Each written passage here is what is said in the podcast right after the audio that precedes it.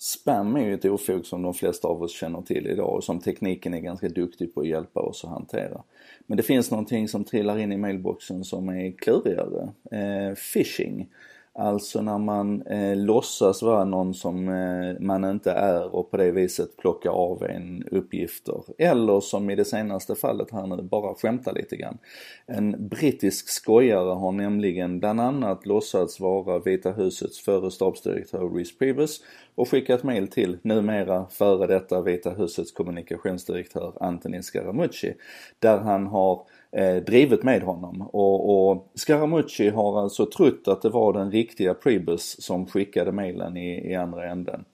Och det här kan man ju tycka är, är oerhört korkat. Samma, samma britt, samma skämtare, han kallar sig för en e-mail prankster har lyckats med den här bedriften med Jared Kushner, med Eric Trump, med massor med andra människor. Och man kan ju undra hur dum är man när man går på ett, ett sånt här skämt. Men faktum är att människor gör det här hela tiden. Det heter social engineering och det handlar helt enkelt om att man är väldigt duktig på, ska man säga, psykologi och, och att att uttrycka sig bedrägligt, att trycka på människors svaga punkter och, och närma sig dem i situationer när de är sårbara. Man kan tänka sig att Scaramucci till exempel har varit lite uppjagad under den här perioden och då kanske inte gör läxan ordentligt.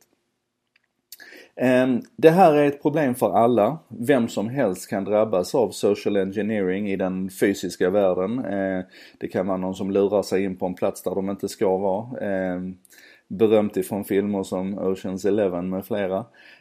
Men det är allt vanligare att det här sker i digitala kanaler. En, en föregångare till det är kanske tjuvringningarna eller busringningarna som vi alla har gjort oss skyldiga till en gång i tiden som under en period var en hel industri med Hassan och gänget och Kalle Sändare och, och imitatörer som ringde och lurade folk. Nu gör man det här via mail i hög utsträckning och det är lite konstigt egentligen att det ska vara så lätt att göra det för att eh, tittar man på en, en mailadress och man tittar på headern i ett mail så kommer man ofta ganska långt i att försöka avgöra om det här är fake eller inte. Men jag säger som många säkerhetsexperter gör på det här området att jag vill inte ge en exakt checklista liksom gör så här, gör så här, gör så här och en, och en handlingsplan. Utan jag vill bara att du ska vara extra försiktig och medveten. Och kom ihåg att saker som ditt, ditt lösenord eller dina inloggningsuppgifter till banken och sånt, det är aldrig någon som på goda grunder frågar efter det i mail.